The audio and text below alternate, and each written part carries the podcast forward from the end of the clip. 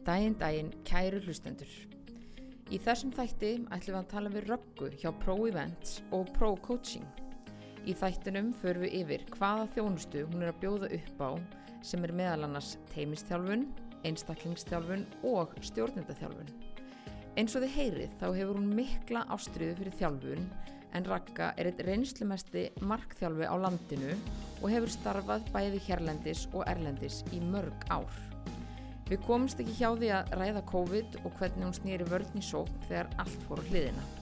Svona til þess að toppa þetta, þá rættu við einni um jákvæða sálfræði og hvernig orkustjórnun og flæði nýtist okkur sem best bæði í vinnu og engalífi.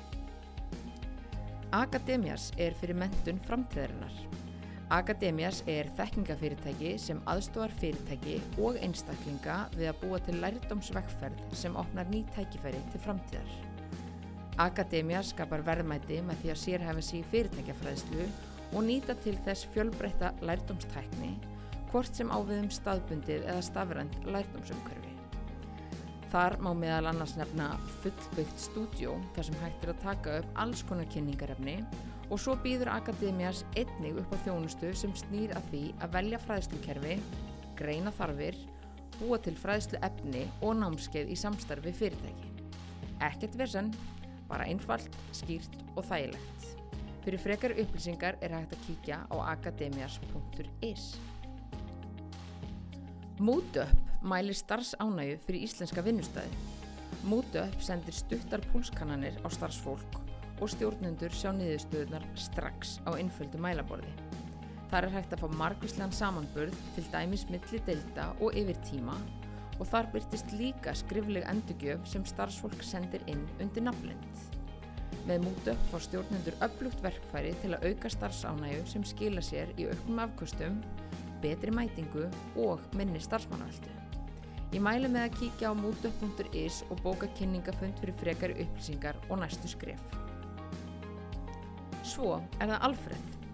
Vissu þið að Alfred er með meira en 120.000 notendur á mánuði? Stærsti atunummiðl landsins. Hvar fær vinnustæðurinn þinn aðra eins aðtegli? Hjá Alfred kemst vinnustæðurinn í sviðsljósið og nýtur aðteglinnar í heila tíu daga. Sviðsljósið er á Alfred, á vefnum og í appinu. En nú að röggu, gjöru þið svo vel. Ragga, verður velkomin. Takk fyrir, takk fyrir að bjóða mér. Já, það var nú bara minnstamál. Um, við ætlum að ræða uh, margt og mikið í þessum þætti Mm -hmm. og allt skemmtilegt. Já. Er það ekki? Algjörlega. Já, Nenni hinu ekki. Nei, nákvæmlega, við skulum bara losa okkur það. Já.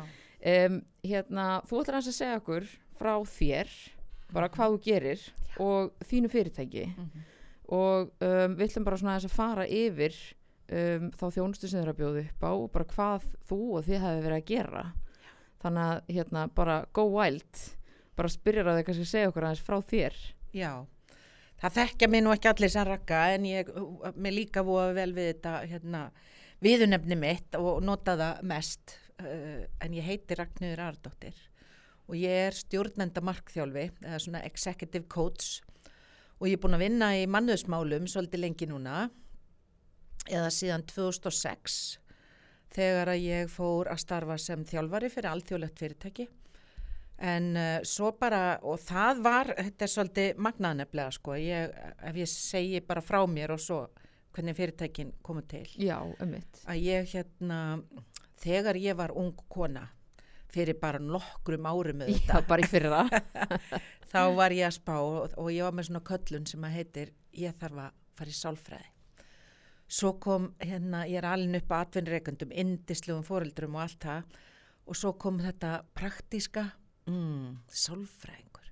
Þá vinnum maður bara hjá stopnun á lágum launum. Nei það er ekki ég. Svo ég slefti þeim draum. Og ég fann annan draum sem var alveg geggjaður og ég fór að, hérna, menta mig í, í ferðamálafræðum. Var að vinna á hóteli, fyrsta starf eftir stúdent og fílaði þetta alveg í botn og langaði að marka sér Ísland sem ferðamannaland. Og uh, ég eldi þann draum sem var bara ekki síðri og bara æðislegt og starfaði alveg tæp 20 ár í þeim bransa og mentaði mig með bachelorgráði í hótel- og ferðamálastjórnun og rosa gaman og allt snýstaði um fólk og upplifum fólks og allt þetta, það var bara æði.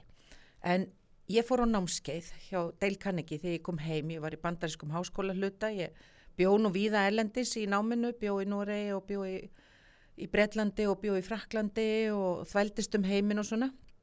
Kem heim og hugsa, ég er á feimin til að koma mér á framfæri, á feimin til að halda ræður og ég það bara að kippa því í lag. Já, komast yfir þá hindrun. Algjörlega, svo ég stökk bara að stað og, og fór að kippa því í lag, sá hérna eitthvað Dale Carnegie sem ég vissi ekkit hvað var og hugsa, já, ég ætla að læra að vera ræðu manneskja. Og það má sannarlega segja og já, þakkir að hérna, það breytti alveg viðþóru mínu og, og leiðin sem ég fór til að sækja mér draumastarfið var að ég á þeim tíma, þetta er alveg fyrir, þetta er svo langt síðan sko, að það var ekki til neitt svona internet eða það var ekkit, það var bara tölvupóstur og eitthvað svona smá, ekki alveg sko, gamla góða faxið sko. Nei. og ég hérna ringdi bara í síman, hérna síma og það voru rítarar hjá öllum fórstjórum sko. Og ég ringdi og fekk alltaf sambandi rítaran, það var ekkit mála að fá samband. Og spurði hvort að fórstjórin væri við og mér var bara svara og mér var alveg svara hvað hann væri að fara að gera og ég var á þessum tíma að vinna í að búð foreldra minna í milli tíða að ég var að leita draumastarfinu og ég var mjög, mjög pikki á hvað ég ætlaði að gera. Ég vissi alveg hvað ég vildi gera fyrir íslenska eða þess að ferða markaðin á Íslandi til að marka setja Ísland sem ferðamannaland. Og svo stökk ég bara stað þegar ég fekk upplýsingar um að ykkur væri á staðnum. Fóri í hérna, fari í viðtaldraktina, stökkast það, bankaði upp á og bara neldi þessa gæja Glæsileg. Það má ekki miskila mig þegar ég segi neldi sko. Nei, nei, nei, nei. og það var bara þannig að mér voru bara bóðin störf. Ég, ég satt bara uppi og gætt valið. Vá. Þetta var bara geggju leið og þetta var, Deil kann ekki hjálpa mér og ég, eitthvað náði það tökum á mér því ég var bara að elska þennan tíma sem ég hafi verið þarna á námskeiði og svo verið svona aðstofmaður og þetta tókaði rosa líf mig. Þarna er eitthvað og ég gati ekki slögt á því. Og það liði alveg árin og ég var í ferðabransanum og það var bara minn bransi. Svo segi vinkonum mín við mig hérna, þeir eru auðlýs eftir þjálfur. Og ég litir alveg stökk af stað. Tíminn var útrunnin, umsóknartíminn. Ég ringdi í eigandan og var honum málkunnuga því að við höfum spjallað og, og sagði bara þú verður bara, þú, þú bara verður. Þetta, bara svona, þetta var svona meitei meitei og ég kom stað og komst í gegnum þjálfara þjálfun og var að vinna hjá þeim og það var mitt svona að við má sletta einna svona comeback í sálfræðingin sem að ég hafði Já. hérna tapa á leiðinni Einmitt. þannig að, að hérna, ég náði að pikka hann upp aftur Já. og samina og þá er ég kannski komin að því með fyrirtækið uh, ég á samt mínum partner sem er actually minn fyrirverandi Já. eiginmaður Mm. við rekum saman fyrirtæki sem heitir Pro Events, Pro Coaching og Pro Training og þetta er voða langt og mikið nafn við erum einhvern veginn að reyna að koma á framfæri allri starfseminni og þetta, þessi samsetning, hún var til fyrir tilviljun og það, þeir sem eru fljótri átta sig, eru búin að átta sig að því við erum að tala með hann að náði að samina bakgrunnin minn viðburðir, viðburðastjórnun, það var ekki til. Það var bara, ég var í viðburðastjórnun í ferðabransanum þegar ma maður var með svona high-end hérna, ferðamenn að koma til landsins og allt þetta. Þannig að, og svo var hitt hérna markþjólunin sem ég var búin að læra, tók hana 2012 og, og þjálfunin, þetta bara saminast, kristallast þarna í einu fyrirtæki. Og við erum með pínu sérstöðu á markanum að vera með þetta þrennt. Því að uh, það að ebla mannu í dag er sem betur fer og fá stóran sess. Og stóran sess á svo margan hátt því að uh, það er sko hópefli, einhvern tímann fengu allir alveg nóga þessu orði en svo er það aðeins að koma inn aftur og við erum svona að horfa á það sem svona virði og sérstaklega eftir COVID Mm að hjálpi mér hamingjan bara, það er allir bara, ó það þarf að gera eitthvað og það vantar hérna að Svona liðsheildina. til í eitthvað, Já. bara til þess að hittast og, og hérna, eigi einhverju samskiptum við fólk. Já, og fólk er vannært á þessu sviði og þá kemur í ljós, þegar, eitthvað, þegar eitthvað skortir, þá kemur í ljós hvað það er mikilvægt. Og það akkurat gerist í þessu. Og það sem að við erum kannski með sérstu umfram aðra, það er að vera með sko, það má nú ekki segja heildarlust, það er líka orð sem var ofnóta og úreldist, en við í rauninni erum með allan hringin, þú veist, við sjáum um alla umgjörð, sjáum um allt innihald líka. Einmitt. Þannig að þetta er svona sérstaðan, en þar fyrir utan þá er ég bara alveg óbúslega mikið og mitt 95% starf er að vera með uh, námskeið, vinnustofur, Mm.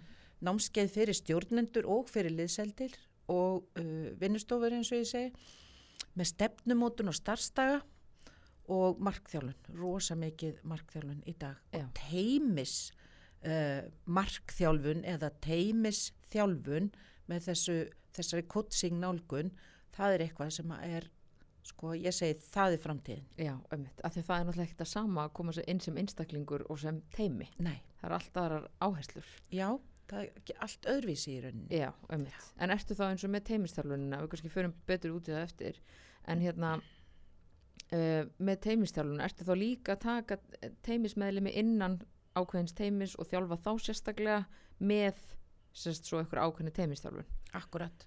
Ég nefnilega í bæði og þegar maður er með teimi sem eh, er samsett af til dæmis stjó- stjórnenda teimi, bara hérna framkvæmda stjóra teimið, það er teimi. Akkurat. Og þá er ég alltaf, eiginlega alltaf með bæði þessa einstaklingsmiðuðu, þar sem við hittumst bara maður og mann Mm og að við erum að búa til þessa sterku liðseld þeirra á milli og ekki síst til að gera þau sko uh, til að þau, þurfu hókina þekkingu með mismunandi þekkingu, mismunandi nálgun vonandi nógu ólík til að hérna búa til þessa dýnamík sem á að verði í teimi sem að er að 1 plus 1 er ekki 2 heldur 3, það verður svona markveldis áhrif -hmm. og með því að koma inn sem teimiskóts við hliðin á kannski stjórnandanum sem er þá fórstjóri í því tilfelli eða við erum að tala um millistjórnendur eða hvað það er að þá hérna þá erum við að ebla uh, þennan þátt þannig að teimið verði sjálfbærara að það taki af skarið. Og það er náttúrulega það er náttúrulega svo ljóst að það er, það er alltaf manneskjan sem þvælist fyrir. Það er alltaf þetta ego manneskjunar eða að hennar óskir og hennar vilji til að, Skoðanir og... já, til að líta vel út og allt þetta við erum öll þannig, mm -hmm. Mhm. tala, ég er ekki að tala illum neitt til að segja þetta Einmitt. ég og þú erum drifnar áfram að því að við viljum líta vel út Akkurat. en í teim og í svona verkefni þá þarf maður að taka teimi fram yfir sjálfan sig Einmitt. sleppa takinu Já, en hvernig ég meina hérna, að því að nú veginn líka svona undarfærið, þá hefur það verið svona pínu vakning bara, við þurfum kannski bara þjálfun fyrir teimið en ekki alltaf bara einstaklingana, það er líka bara þjálfa teimið, Já. alveg svo við þjálfum íþróttalið og, og annað eh, hvað svona, hverju myndur segja að vera svona líkillin að því að ná bara svona góðri dýnamík í teimi það þarf að byrja að afvopna. Það þarf bara að koma inn og byrja að núlstilla, afvopna alla. Það er rosa mikið skrifað um teimi og árangur teima og hvað við virkað og stóru fyrirtækin eins og Google, eins og Spotify, eins og Amazon og ímis sem hafa bara haft fjármagn og sett bara rosalega fókus á þetta þau eru að fara ykkur að leið og, og allir bara gapi við því og það er æðislegt. Svo kemur að því að svo leið ein og sér er ekki nægileg. Það, það kemur alltaf einhver svona hvað ég var að segja, ekki galli en það er bara svona ákveðin þróun. Já. en uh, þar, ég held að mun aldrei hérna, hætta að vera þetta. Og þú þarft einhvern veginn, já ég kalla afvopna þú þarft að láta fólk uh, núlstilla sig, það er að segja að fara í þessa berskjöldun að Já. þóra bara, við förum hérna niður og þá er talað um eitthvað sem að hérna stundum segin og sumt kemst í tísku en það er ekki, það, snýst ekki um tísku, það er þetta sálræna, sálfræðilega öryggi, eða psychological safety að þú þorir að berskjálda þig, eins og Brene Brown hún stýgur hérna fram svona framarlega meðal jafningi að fara að tala um þessa berskjöldun rosa mikið að þú er að sleppa þessu ego og sleppa svo mörgu til að koma stað verkefninu því þú hindrar þig svo. Og Akkúrat. hérna ég var til dæmis að byrja með í dag ofubóslega skemmtilegan hóp sem að við vorum að byrja að ræða þetta og, og ég hérna ég veit að hlustendur sjá mig ekki en maður svona kýtlar í puttana með næstu skref því maður finnur hvað fólk tekur þessu fagnandi. Já, maður finnur hvað fólk hugsaður að það er að koma að lausna því það er oft fullt af hlutum í gangi og bara vandræðu vesen. Svo maður segir það bara á mjög prúðan hátt já, í teimum, það Já. bara og einmitt kannski eins og segir að þú talar um að afvopna sig að þú veist, Mm. fólk er kannski búið að setja upp einhvern ákveðin, eitthvað ákveðna brynju. Já, og, Og það er ekki- kannski bara búið að vera að fara í mannin og einhver að fara í annan og einhver ónað með einhverja ráðningu þarna og eitthvað þetta og eitthvað hitt og, og það fyrir ymbirðis svona, já, baráttu að minnstakosti, stundum stríð. einmitt. Það og þarna er einmitt bara skoðanir og þetta ego sem við höfum bara talað um áður Mhm.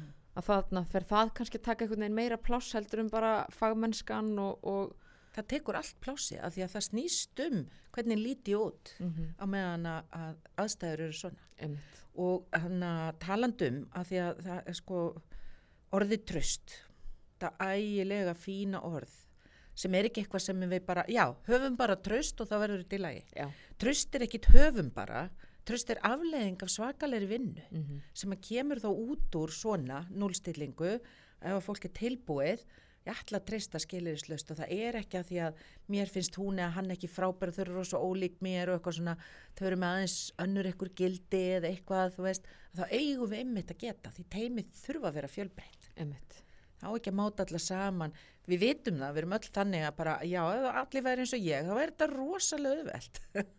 Þá bara leysum við málin eins og ég vilja séu leist og allt þetta. Já, þetta er náttúrulega það sem stendur hérna framgangi fyrir þrifum. Akkurat, akkurat en eins og ég nefndi áðan, um þetta vera með bara teimi og svo tekur þú þá einstaklingana í teiminu og tekur þá í svona coaching. Já. hvernig hérna, þú veist, hvernig hvernig er það að einhvern veginn að um, vinna þú veist, með einstaklingana og svo teimið af því að það þarf náttúrulega svona svolítið að stilla einstaklingana inn á teimið því að það sem að virka fyrir eitt teimi virkar ekkit endilega fyrir annað teimi þú veist, hvernig, hvernig gengur að veginn samstilla þetta og svona fá fólk á ákveði band sem er kannski ekki, heldur ekki alveg til í það? Já, akkurat.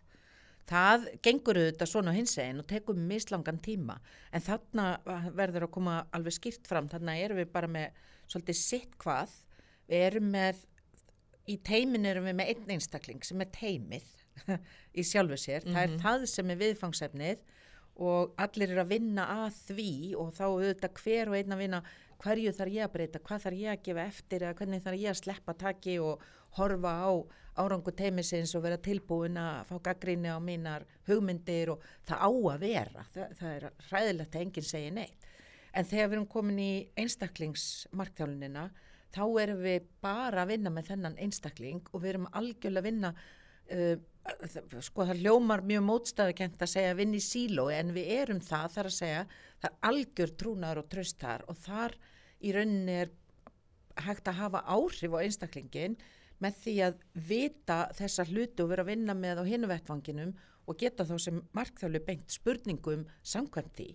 Ít á blettina Mm. og það eru þetta hlutverk markþjála það er bara að ít á blettina hérna, þannig að fólk svona hreyfist. Já, akkurat. Það er hérna stundum kalla hurt and rescue. Mm en, en að ég er ekki að fara að koma með lausnina sem markþjálfi, fólk er að fara að finna hana sjálf Já, og það eru þetta hana, það er kannski svona leiðilegt að segja aðal hvati til breytinga er að forðast sásöka eða forðast eitthvað sem að er.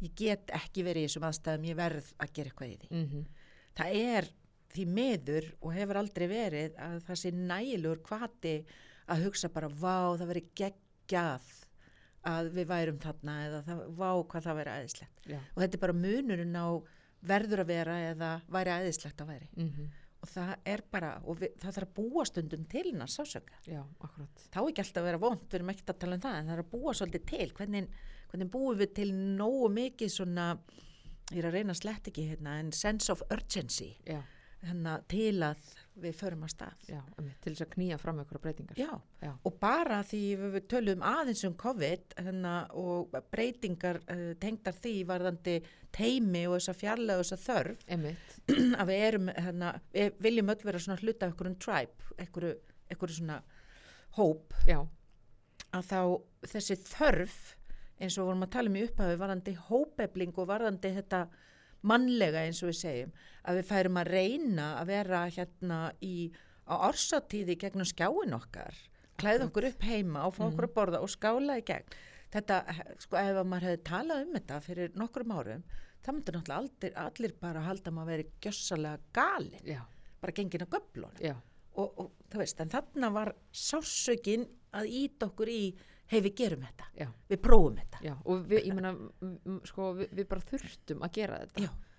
og eins og hérna, uh, eins og ég sagði líka áðan, ég man ekki hvort við vorum byrjar að taka upp eða ekki, en bara þetta einhvern veginn, sko við, það var bara að- við þurftum að byrja að nota sagt, fjarfundabúnað og allt þetta. Og við áttuðum okkur á því bara já, heyrðu, við þurfum ekkert alltaf að fara all, á allar þessar ráðstefnur erlendist það er bara hægt að vera heima. Mhm. Og hérna, vera umhverfisvæn og, og spara pening og allt þetta. Þannig að, að hérna, þetta er náttúrulega bara einn kosturinn af þessum heimsfaraldri ef maður, ef maður getur tekið eitthvað svoleiðis út úr hérna, þessu öllu saman. Þetta er bara, klá, þetta er bara, þetta er bara alveg frábær virðis auki já, þetta er bara þróun sem að þetta hybrid, ég veit að við uh, erum að sjá um ráðstöfnur og svona og það er oft kemur í umræðina uh, við viljum að reyna að sleppa við að hafa hana hybrid þar að segja bæði Einmitt. online og, og hins einn ekki það að það koma kannski fyrirlestrar í gegnum skjáin en ekki það að sé- séu semst ekki þáttakendur því þá er þetta byggjit upp allt öðri sig akkurat og vissulega verður þetta stundum svona eitthvað skrýpi, hybrid er svona hvorki nýja, mm það er svona eitthvað milli í öllu, Já. nú í golfkilónum þá er það meira að segja bara að kalla hálfviti sko, þannig að, að hérna auðvitað getur það verið en að það að hafa hennan möguleika og bara það sem við höfum séð bara að því ég er til dæmis í stjórnvísi og ég er í dokkunni uh, þessir aðlar að tala um það bara aldrei verið eins mikið þáttaka Einmitt. í félagi mannauðs þar sem að eru viðburðir hérna online já, það bara verið alveg þvíli grúska á þessu sviði. Já, og þannig er bara nefna nokkur dæmi og þannig að ég hef verið með námskeið hérna, fjölda námskeiða fyrir fyrirtæki sem eru með dreifða starfsemi mm, og þáttakendur út á landi er svo ofbáslega þakklátti bara þú veist ég hef aldrei haft svona mikið tækifæri að geta sótt námskeiðin sem að já, bara vera með. Já, já, sem er verið að bjóða upp á því að það er svo mikið haldið í Reykjavík en ekki hugsa um okkur hérna og þú veist, þetta er bara, bara gjörbreyttur heimur. Einmitt, einmitt. gríðaleg tækifæri. Já, en mér langar aðeins að því við erum komin að pínu út í hérna svo COVID hérna, pælingar Mhm. og sem að náttúrulega kannski bara er á hérna svona allra vörum uh, hefur verið hérna senstu tvö ár að þið náttúrulega með þetta fyrirtæki þú veist með viðburði og allt þetta mm -hmm. hvernig svona fóruð þið í gegnum hennan heimsfaraldur? Já, þetta var rosalegt sko. Ég hérna, þegar að þetta byrjar og maður hugsa bara og ég segi við hérna partneri minn, hvernig, hvað gerum við ef að það bara lokast allt? Já, það gerist ekki, segir hann sem er hérna svo frábælega jákvæður og bara æðislegt. En byrju worst case scenario, að því ég er svo ofslega jarbundin, Mm. hvað gerum við? Og svo rættu við það bara ekkert. Þetta Nei. var eitthvað svona óhugsandi. Já, Það var svona heimsendir. já, akkurat En það til að gera langarsögu stutta þá er engin launung að við eins og önnur viðbörðafyrirtæki vorum bara með fyrirtækin í öndunum vel. Við fjallum á milli þylja, það, það góða gerðist að viðbörðafyrirtæki stopnuðu samtök.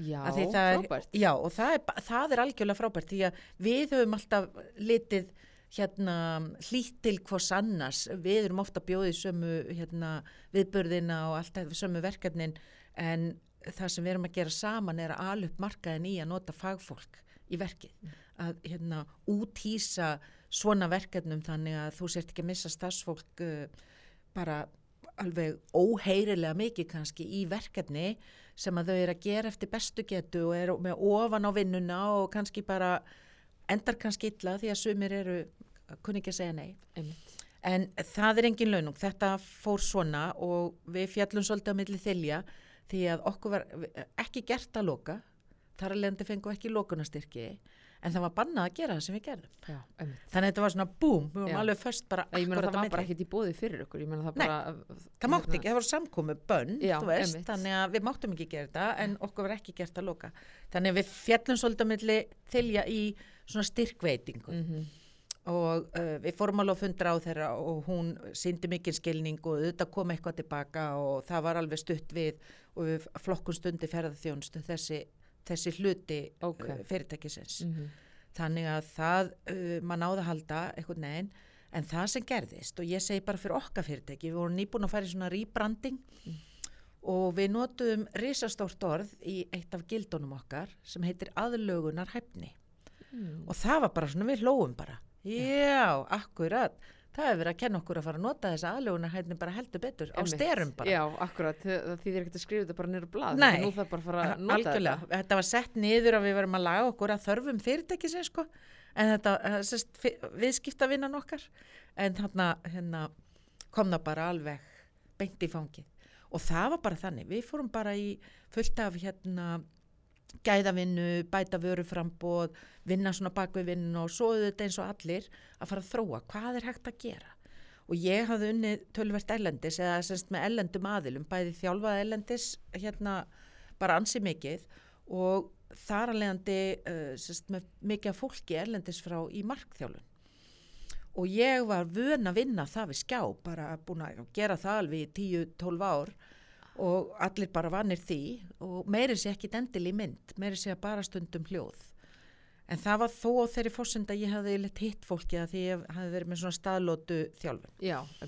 En uh, fólk bara ekkit mál og ég var í mörg ár búin að reyna hérna á Íslandi verandi með fyrirtæki dreðri starfsemi og vinna með fyrirtæki múta landi og segja bara, eigum við ekki bara að hittast á skjánum? Na, ég áferði í bæin og að, að maður alveg hlóaði sko að fólk var ekki tilbúið í þetta. Nei. og markaðurinn tók mjög hægt við sér hvað þetta var það bæði með þjálfun, viðbyrðinir fóru fyrrastað sko eiginlega. Já, en einmitt. bæði með þjálfun og markþjálfunina og, og hérna, já, markþjálfun og þjálfun, þessast hópþjálfun að það var svona eitthvað neginn en svo þegar ég var komin út í það að ég var að þjálfa fólki í framsögutekni þar sem að aðilinn þarf að æfa sig Já. hann situr ekkit bara og lærir eitthvað sem ég segi honum, hann er bara að æfa sig. Ég er að kótsa hann bara svona live eins og maður segir. Þegar ég var komin í það í gegnum skjáin þá hefur ég segið það er allt hægt. Og það bara og fólk var bara, ég sagði hvernig finnst ykkur þetta? Þeir eru, þeir eru fyrsti hópurinn minn. Og fólk var bara, veistu þetta er bara frábært. Og, og við þetta vorum að taka inn líka þá hvernig maður hegða sig fyrir framann skjáin ef maður er á þannig fundi Mm til að gera það sem best. Akkurat. þannig að, Af því að þetta er sko dýnamikinn og bara hegðunin, hún er bara Já. allt öðruvísi á baku skjáin heldur en, heldur en hérna þegar maður hittist í umveruleganum sko. algjörlega. Þannig að það er einhvern veginn svona endalist kom upp í hendurnar á manni áskoranir sem maður hugsaði ah, en svo bara glimrandi Já. og maður bara í alföru, vákat á frábært.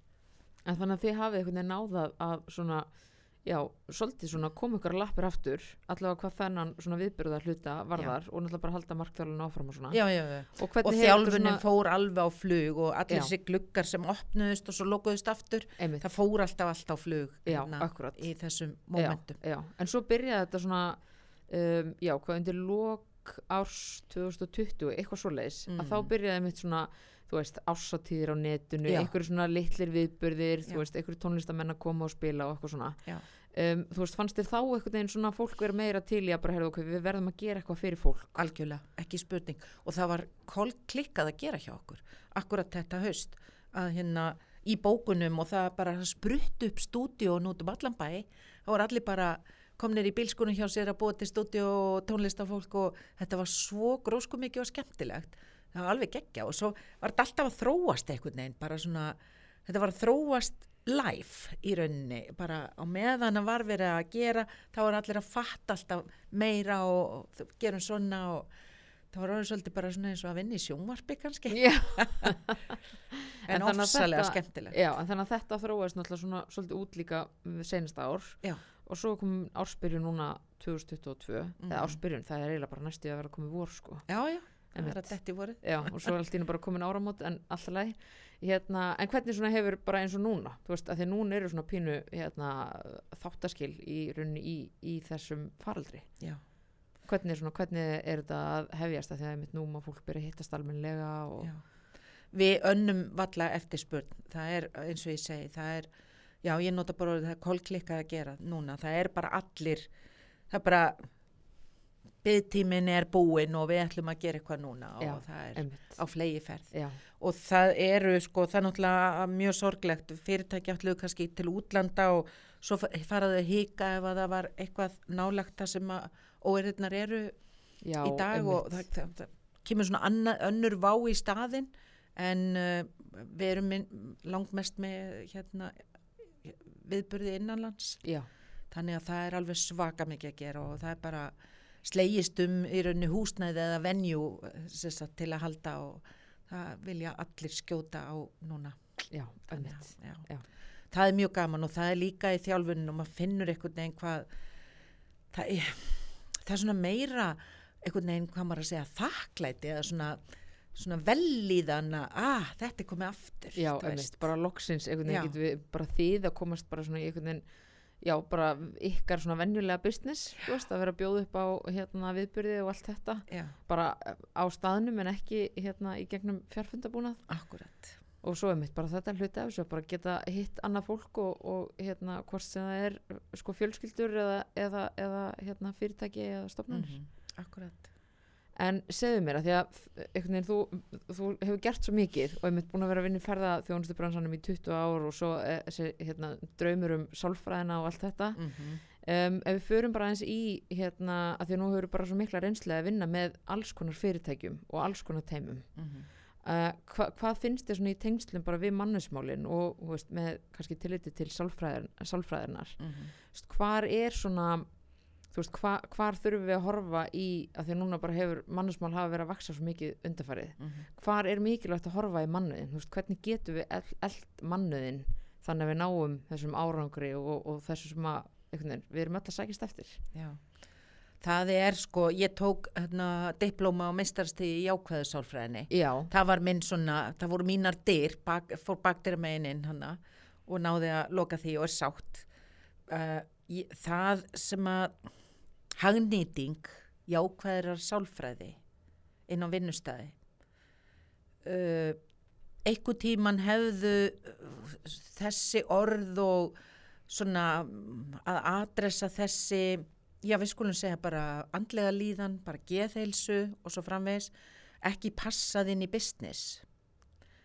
En þetta er besti businessin í dag. Og við sáum það á mannöðsir ráðstefnunni, varst ekki á henni? um, Í ekki haust, núna nei, þú varst nú bara þá já, alveg ég var bara með pinkulítið batt þá sko, pingulítið, Já. já. Anna, sem betur fyrir hann aðeins að stekka Já, það var, fannst mér, broti blað með hvað að fjalla mikið um geðheilsu og þessi mál. Og þetta er, eins og ég segi, þetta er góðu business.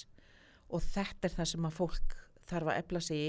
Og nú er, og ég segi að því að ég á hérna, þrjú börn og tvær dætur sem berjast mikið í svona gender equality og öllu þessu, að, að það þarf ekki að taka fram hvort kynið það er sem er að vinna með hversu mikilvæg þessi máli eru og það gengur mjög vel. Ég er að vinna í hana, fullt af mjög karlægum fyrirtækjum sem eiga svolítið í land með að jafna hlutkynjana og svona bara eðli starfseminnar er þannig.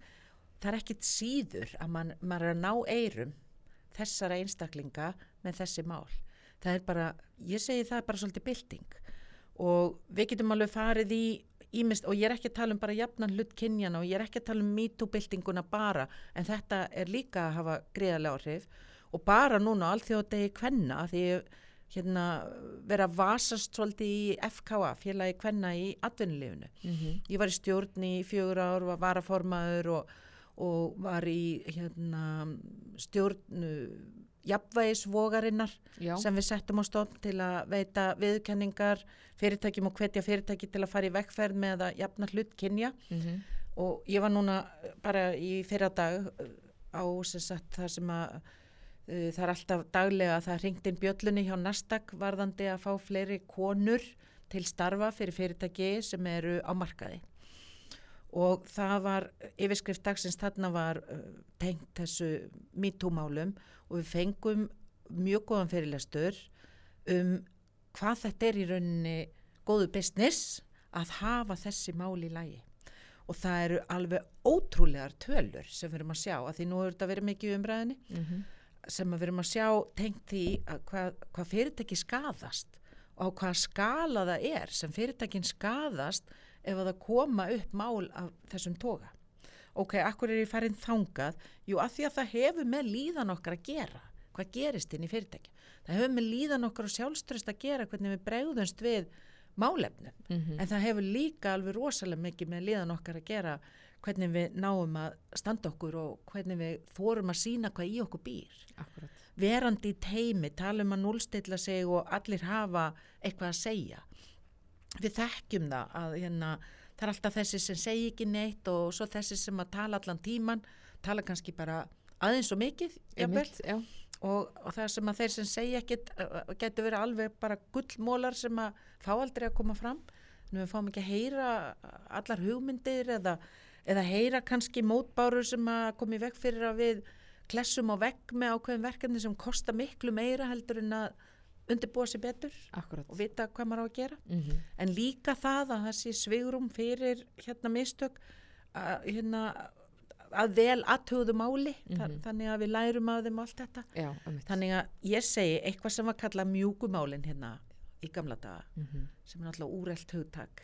Og ég segi það er eh, frekar sko hörðumálin, það er þetta mannlega. Að manni líði vel með sjálfum sér að maður hafi hérna góða stjórn á sínum tilfinningum í krefjandi aðstæðum að maður uh, þjálfi sig í samkend gagvart umhverfinu en ekki síst hérna þessi self-compassion eða samkend í eigingarð að vera vinnveittur sér að þannig að gefa sér kredit og þetta á réttum forsendum að hafa kjarkin til að hérna, sína fólki í kringu sér góðvild á réttum forsendum og þessi mál -hmm. að þekka styrkleika sína að vita uh, þú veist og, og finna svona maður getur sagt þið sanna sjálf sem er svona kjarnin sem er gildin okkar sem er einhvern veginn vegvísirinn okkar í gegnum lífið. Þetta eru málefni sem að skipta alveg gríðalegu máli. Já, og ég get alveg sagt þér það að þegar ég er að markþjálfa hérna, það heitir executive coaching eða hérna, stjórnenda eða leiðtóa markþjálfun. Mhm. við erum í kjarnanum á manneskjunni. Við erum að vinna með kjarnan. Það, eins og ég skipti eða ég er ekkit að finna það upp markþjálfun skiptist í rauninni svona að þú ert að uh, markþjálfa svona verkefna með viðkomandi kunni hjá þér, hann er með eitthvað verkefni og, og, og hann er svona að fletta því upp til að finna lausnindar á því en svo er það þessi umbreytinga markþjálfun og það er þetta að þá ert að þróa sjálfan þig. Hver er ég, hver get ég orðið? Ekki bara hver vill ég verða heldur hver get ég orðið? Mm hver eru mínu möguleikar? Einmitt. og það sama hverju maður flettir upp í dag það er alltaf verið að tala um við þurfum að vinna með potensið, möguleikana í hverjum og einum, Mhm. í ferlum og fólki. Já. það er allir sem kom inn á þetta. Hvort sem það brennir brán eða, eða einhver annar. Já, en hvernig eins og bara að því að ég meina þú hefur komið inn á MeToo-byltinguna og, og ég meina sem eru þetta auðvitað getur MeToo-byltingin ekki bara átt við eitthvað, eitthvað ákveð ég meina gerendur og þólendur eru að vinna eitthvað staðar og, Mhm, og hérna svoleiðis mál kom upp á vinnustöðum og allt þetta. Mhm. um, hvernig, get, hvernig getur svona fyrirtæki og stopnarnir bara nýtt þessa jákvæðu sálfræði og komið inn á bara svona já, í rauninni svona bara þessa, þetta velliðunar umhverfi í rauninni, þú veist, myndað eitthvað skonar velliðunar umhverfi inn á vinnustaðnum, Mhm. þannig að mitt fólki líði vel og, og það þekkir sína kosti og galla Mhm. uh, bervirðingu, af því að þetta eru þetta bara allt samskipti, já þetta eru bara, ég meina, og bara mannuðsmál mhm. og það sem á sér staðin á vinnustanum, þetta eru bara samskipti Já. þannig að þú veist hvernig er þetta að nýta þessa þætti til bara til þess að, að hérna, einhvern veginn, já taka þetta á herra plan Já, og það er alveg magna nefnilega þú nefnir þetta, þetta er bara allt samskipti. Bara samskipti. mm -hmm. En bara samskipti er það flóknasta sem til Já, er. emmitt Og það, að- þú veist, samskipti eru, jú, við notum heilan á okkur til að tjá okkur við aðra. En hvað er á bak við það sem við segjum? mm Það er einhverja forsendur, það er hvernig okkur líður. Það er tilfinningagreindin sem hefur svo mikil áhrif á hvernig tjáum okkur, hvernig byrtust við. Einmitt. Og samskipti er ekki bara eitthvað sem kemur út um munnin á okkur. Samskipti er líkamstjáning og hvernig maður, og þögn og það, það er allt. alls konar Þannig að þetta er stóra málið. já, Og hérna, að það væri geta fólk að vera þetta auðvelt eins og sumir stundum, að það geta fólk að þvælast fyrir. nei, nákvæmlega Og það eru auðvitað þetta, eins og ég kannski kom á hérna, inn á hérna áðan bara aðeins, með þetta sálfræðilega öryggi mm sem að fólk hugsa kannski, hvað er verið að tala um? Þú veist, hvað er sálfræðilegt öryggi? Já, það er þetta öryggi sem að þú finnur að þú, þú ert ekki yfir annan hafin, að þú mátt tjáðu um hluti sem eru skrýtnir. Þú verður ekki dæmdur af því sem að þú segir. Ok, rosalega öll að segja það. hvernig er heilin á okkur? Hann er þannig, ef eitthvað segir eitthvað, þá erum við strax búin að hérna, uh, taka það inn og melta það með einhverjum hætti. Með þeim hætti sem við erum alin upp með þeim hætti sem að hvað okkur finnst eða við hvernig upplifi upplifað, við erum upplifað. Þannig að þessi, þessi blessaði heili okkar hann er svo viltur og trilltur að því að sko áður en við náum að hugsa segja sumir þó að séu þetta ekki þannig þá erum við komið með einhverja skoðun og þá er þetta þessi þjálfun ok, sínum því mildi og nú er ég komin í eitthvað sem að margir hugsa, ok, hvað er hún hann að segja? Jú, þetta er eitthvað sem ég kannastu úr núvitundi það ekki. Að því er alltaf verið að hérna, þessi frábæru austurlensku fræði sem er að hjálpa okkur í að hérna, hafa stjórn á þessum trillta heila. Mhm. Að leif honum ekki alltaf að æða af stað. Einmitt. Og það er kannski þessi þjálfun og maður getur, sko, er ég get alveg verið hérna fram yfir helgi að tala um þetta. Þannig að ef þú hefur tíma. Já, ekki málið. það er bara hann að þetta er svo þetta er svo margt, maður veður hérna úr einu í annað, þú veist sálræna öryggi, hvernig þjálfum við okkur í því að slökka á heilanum og vera ekki að dæma og allt þetta. Jú, þá þyrftum við að þjálfa okkur þarna. Og þetta hljómar alveg, Jésús minn.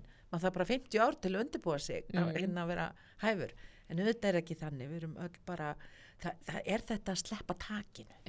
Að, vopna sig að hérna þóra einhvern veginn. Og við þekkjum það, ég og þú og vonandi þeir sem hlusta okkur þegar maður er í aðstæðum og manni finnst maður vera algjörlega ok. Maður er bara, þú veist, það er í lagi og það sem ég segi ég, það er í lagi og þú veist, hvernig mér líður það er í lagi og það er í rauninni þetta að koma þessu inn á vinnustæðina Mhm. að, og það er náttúrulega þessi þróun að vinnustæður er að breytast í eitthvað sem kallað er svona social enterprise sem að er meira þú veist já, eftir COVID aftur að nefna það þú veist, það er svona heimilegað heiman upp á Mhm. vissumarki af því þetta er svo stór hluti af lífstíl Mhm. að það er ekki bara, ég fyrir vinnuna og ég vinn bara til að afla og svo ætla ég að lifa þetta er bara allt að lifa Já, enda líka finnum maður það bara eins og uh, bara við höfum þurft að aðla okkur uh, núna í gegnum COVID og svona bara þetta sveigjanlega starfsumhverfi að og, og þetta sko hérna, það er ekki bara en, ennþá, það er einhvern veginn ekki alveg nógu cool ennþá að vera að mæla bara einhverja, hérna, hvað stóllin heitur frá 84 sko Nei. Það er bara einhvern veginn ekki, ég meina fólk er svo er bara fólk með stóra fjölskyldur og þú getur hætt klukkan 2 og hérna byrjað aftur að vinna klukkan 6 eða 8 Mhm. og klára þá vinnudaginn Já.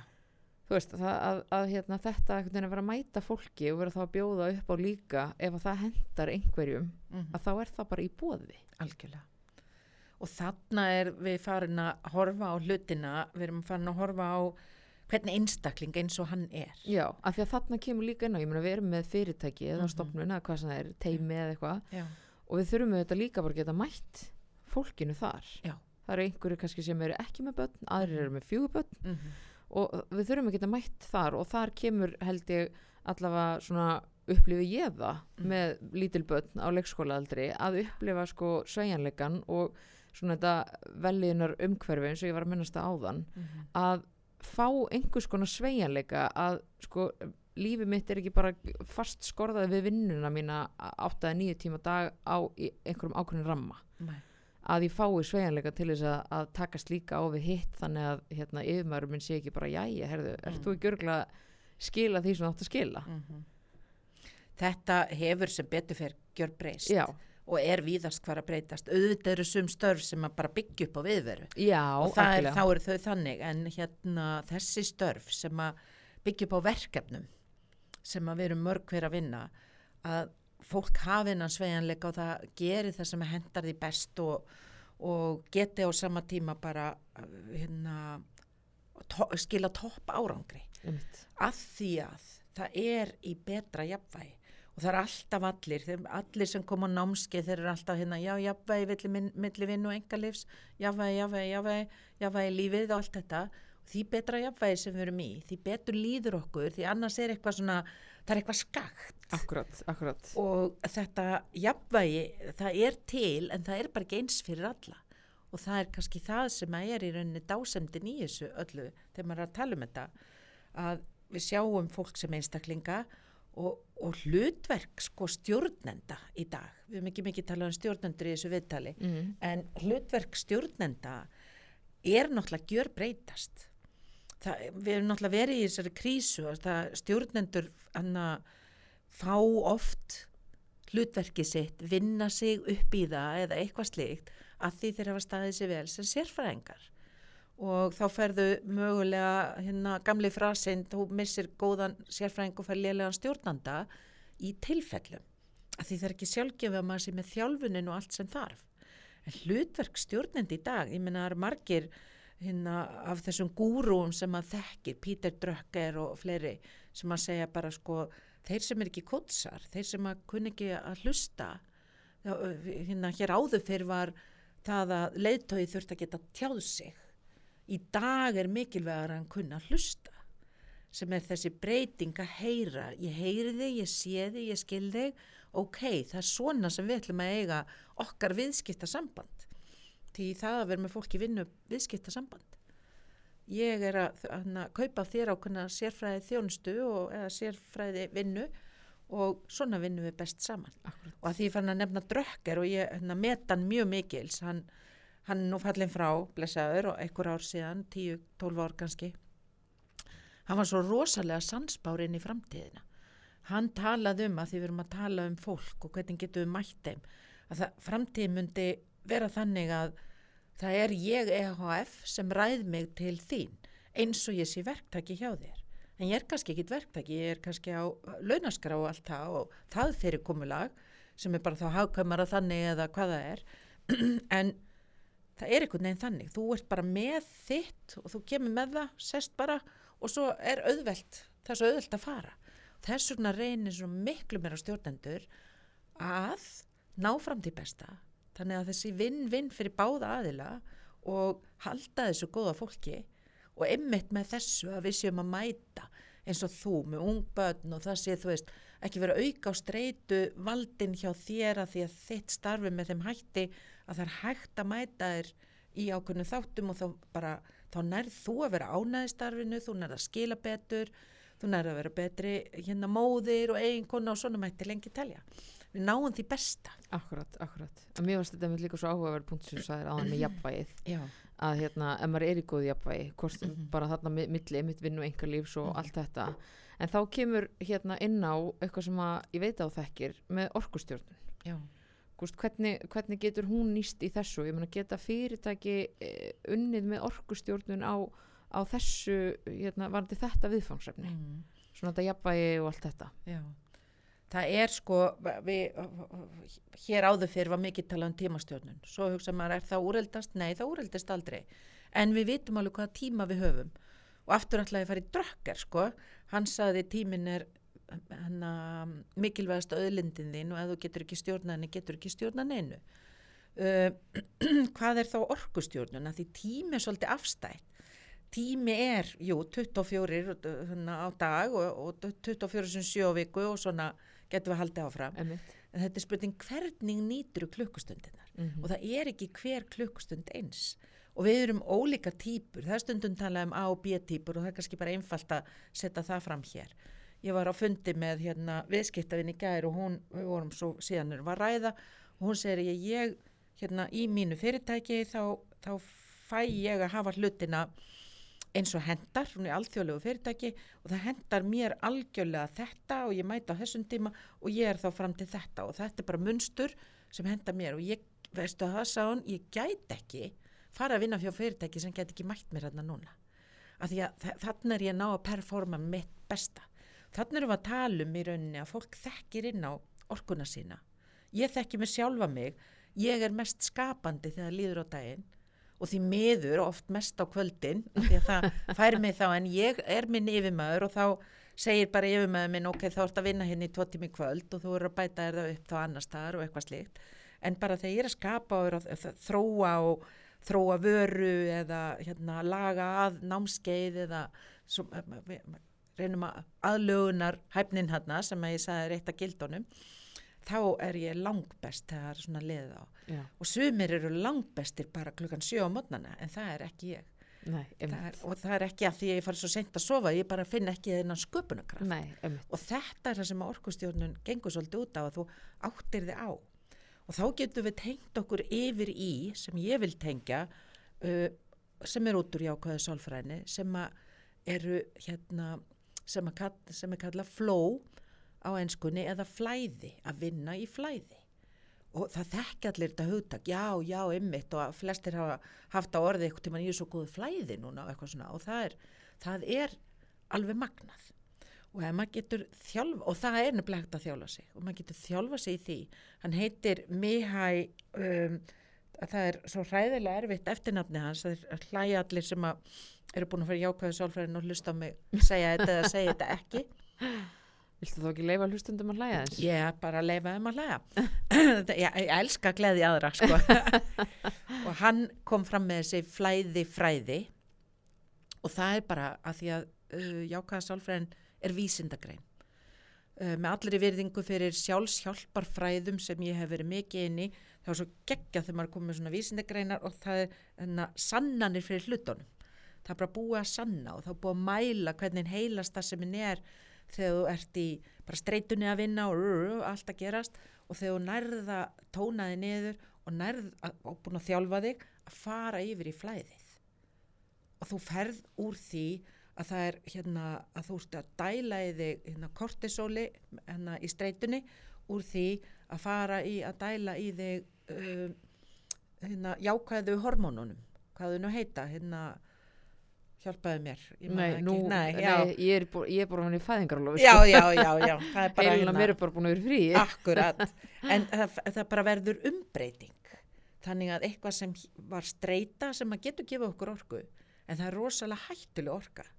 Því að það er fínt að fá streytu stundum maður að fara að gera eitthvað út fyrir þægindarhingin og, og streytan hjálpa manna alveg bara að standast það en að hérna maður má ekki vera þar, þá, þá fer fólk í kulnunina sem við verum að sjá.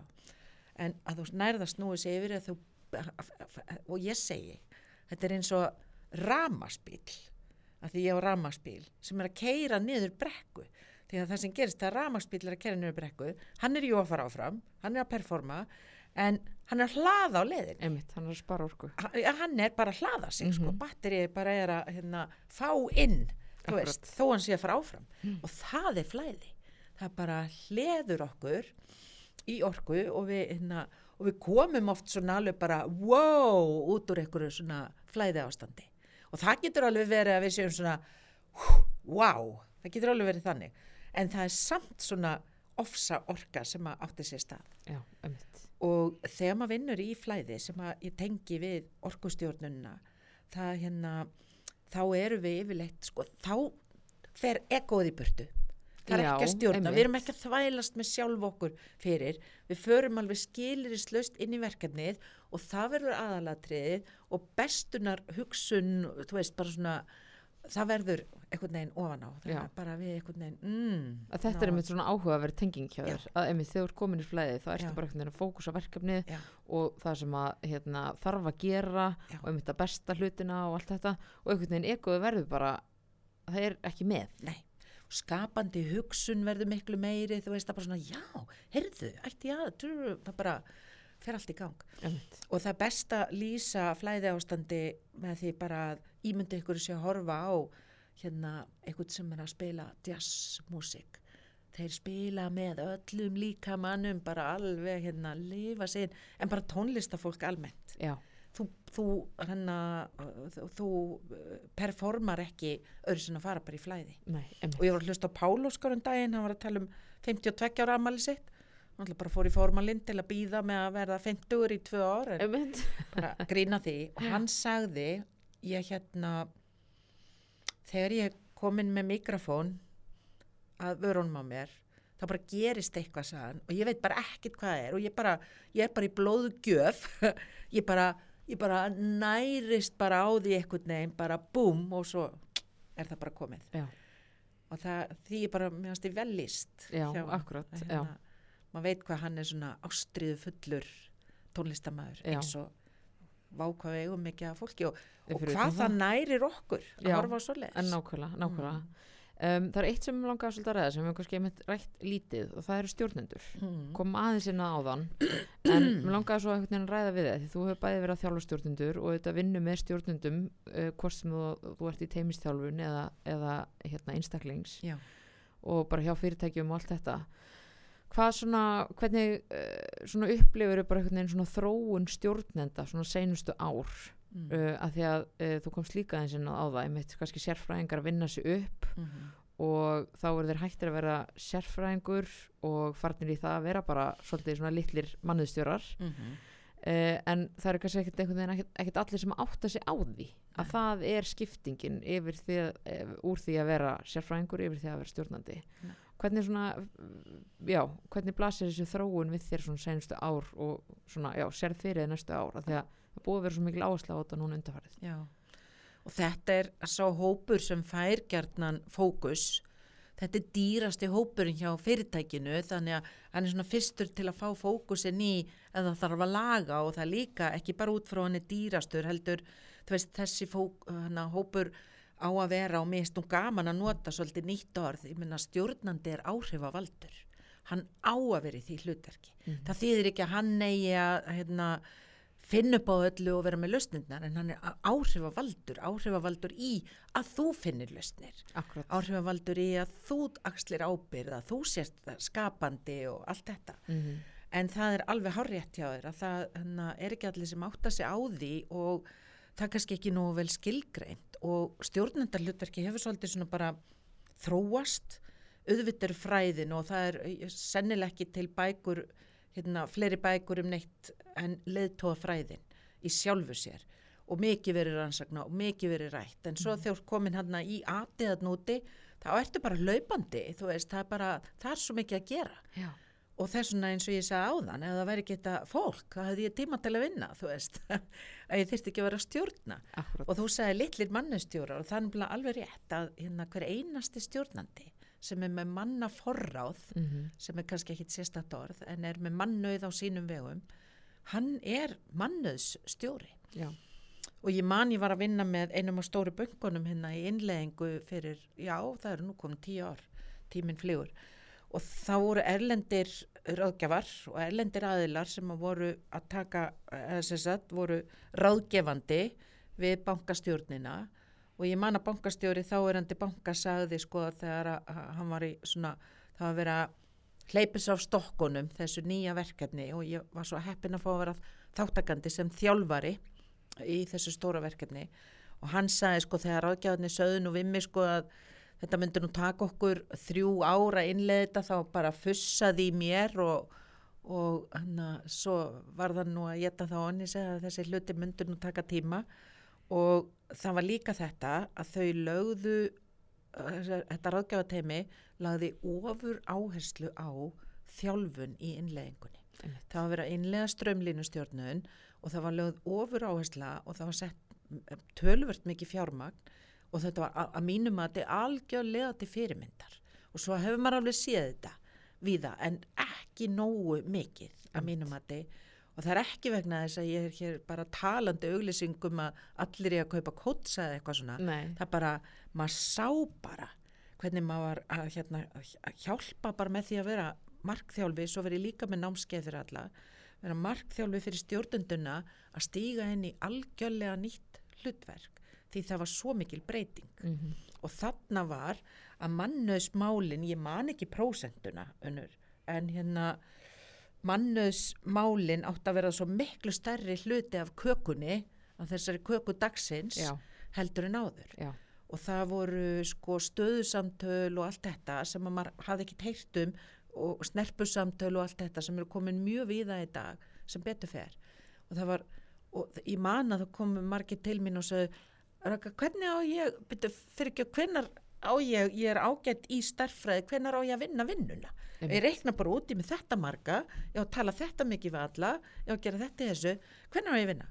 Einmitt. Og auðvitað, og maður skildi þetta þetta var svona patt staða, kannski ekki búið að leysa hitt, mm en þessi þróun alveg svakalega til fyrirmynd -hmm. og þannig erum við komin inn á þetta var kannski farin að segja áðan að stjórnandin á að vera þessi coach hann á að vera þessi coaching hlutverki heyra, taka stöðuna hvar get ég stutt, þú fer ekki inn á völlin, það er bara alveg svo þjálfarar í íþróttum, akkurat. þú ert þarna á hliðalinnu, þú ert að segja til, uh, þú ert að, hérna, þjálfa í atvikinu eins og hægt er. Þess vegna snerpursamtölinn þá ekki bara býða, tala nú ekki um það sem ennþá týðkast að það sé samtali einu svona ári, Já, einmitt, já, akkurat, það? Og ég þá býða með vesinni sem var hérna þangað til já, og hérna, nei, alvöru það, og, og hérna stittra og oftar Já, ég held að svona, mér finnst allavega svona, það já, er þróun Já, Já, það er klálega þróun, já. Líka bara, ég menna, svo er að koma nýjir stjórnendur og eftir þá tala við tvo mismunandi stjórnendur á sikkur árinu og Mhm.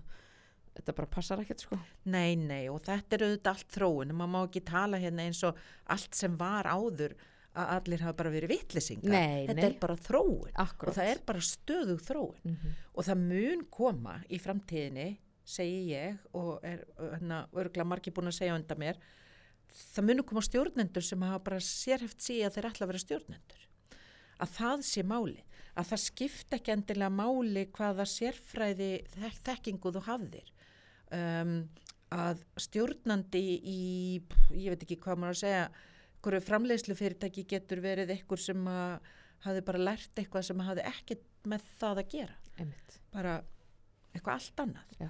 og það er, það, það er svo flóra sem ég held að sé koma miklu meira inn á uh, markaðinn að háskólanám algjörlega, mikilvægt og allt það og hana, flestum finnst nöðsynlegt að ganga mentavegin ég segi ganga mentavegin til að læra að menta sig, til að læra að vinna í teimum að því við erum að tala um það, eða hópum Akkurat. og til að læra svo margt en sérfræði fæið þitt svo lengi sem þú ert ekki endilega læknir eða hjúgrunafræðingur eða verkfræðingur eða eitthvað sem að, lögfræðingur það sem er alveg sk- kýrskýrt að þú voru að hafa þau fræði til að geta ná árangri en það er svo mörg fög það sem að svo sérfræði þekking er ekki það sem skiptir máli Einmitt. Og það skiptir meira máli hvernig típa ertu hvernig passar inn í hópin og hérna hvernig ertu til í að fara í þessa teimisvinnu þar sem við erum með skilirislaust tröst og aukslum ábyrð Einmitt. og allt þetta Já, og það er þá karakterin sem er að koma meira fram þannig að ég endur sko það, hérna, þetta sem var kallað soft skill hérna áður eða mjúku málin það er bara hörðumálin Já. sko. Það er manneskjan sjálf Já. þannig að fókus minn á stjórnendur þú veist hvort sem er að þjálfa stjórnendur í framsögu eða einhverju aðferðafræði með eitthvað að gera þá er þetta alltaf einhvern veginn að vinna með típuna, karakterinn og hvernig manneski ertu og hvernig manneski allar að koma fram Mm. því að við vitum það að það er hort á þig sem fyrirmynd og þú ert að vera það í einu öllu Einmitt. þetta level 5 leadership eins og hefur verið svolítið um. fjallaðum Já, akkurat, akkurat.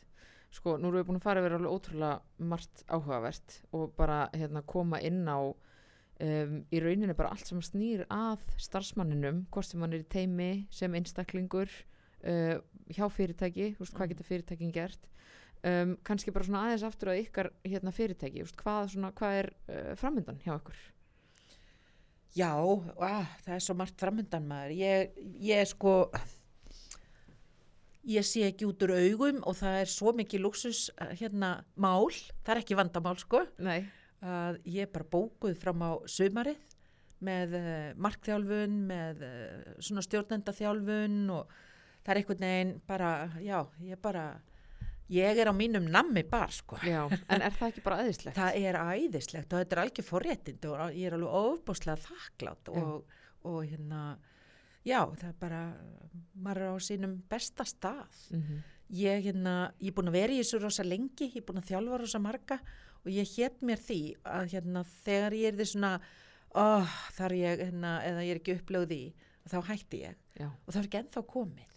Ég, ég byrjaði að vinna fyrir fyrirtæki þar sem ég var að vinna með staðlega vörur, ótrúlega flottar vörur hjá þarna Deilkaniki, alþjóða fyrirtæki, gekk ægilega vel og, og hann var að fá okkur vellaun og svona á erlendu vettvangi sem er ofsalega hvetjandi og tilheyra svona stóru dýnamísku teimi, fá tækifæri til að starfa erlendis og allt þetta fara svo yfir í það sem að blunda alltaf í mér að þróa mínar eigin vörur sem að ég er búin að gera, byggt á jákvæðu sálfræðinni, byggt á á hérna markþjálfuna fræðunum og byggt á öllu sem ég kann. Mhm.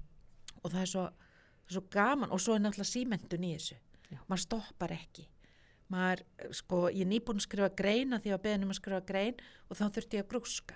Og ég segi þurfti af því að ég hafði nógan að gera. En það var frábært að ég þurfti að svona, hana, þvinga mig inn í það að grúska meira en ég hafði gefið mig tíma í Mhm. það kemur svo margt í ljós og Já. maður bara, þú veist, maður alltaf að grípa eitthvað og taka það inn og máta við og finna einhvern veginn hvernig maður þarf að vera á tánum með tíðarandan og hjálpa til.